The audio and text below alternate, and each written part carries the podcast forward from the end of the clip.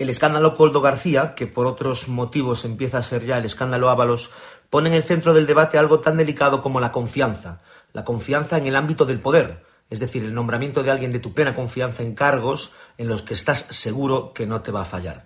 La línea que separa la confianza de la responsabilidad es tan delgada que cuando el delito es clamoroso da igual que no te alcance las consecuencias penales. Lo coherente es asumir que si tu mano derecha ha aprovechado la posición que tú le diste por decencia personal y por altura política, tú debes renunciar. Y un recordatorio más, fuera de la política no es necesario cometer un delito para dimitir o para que te despidan.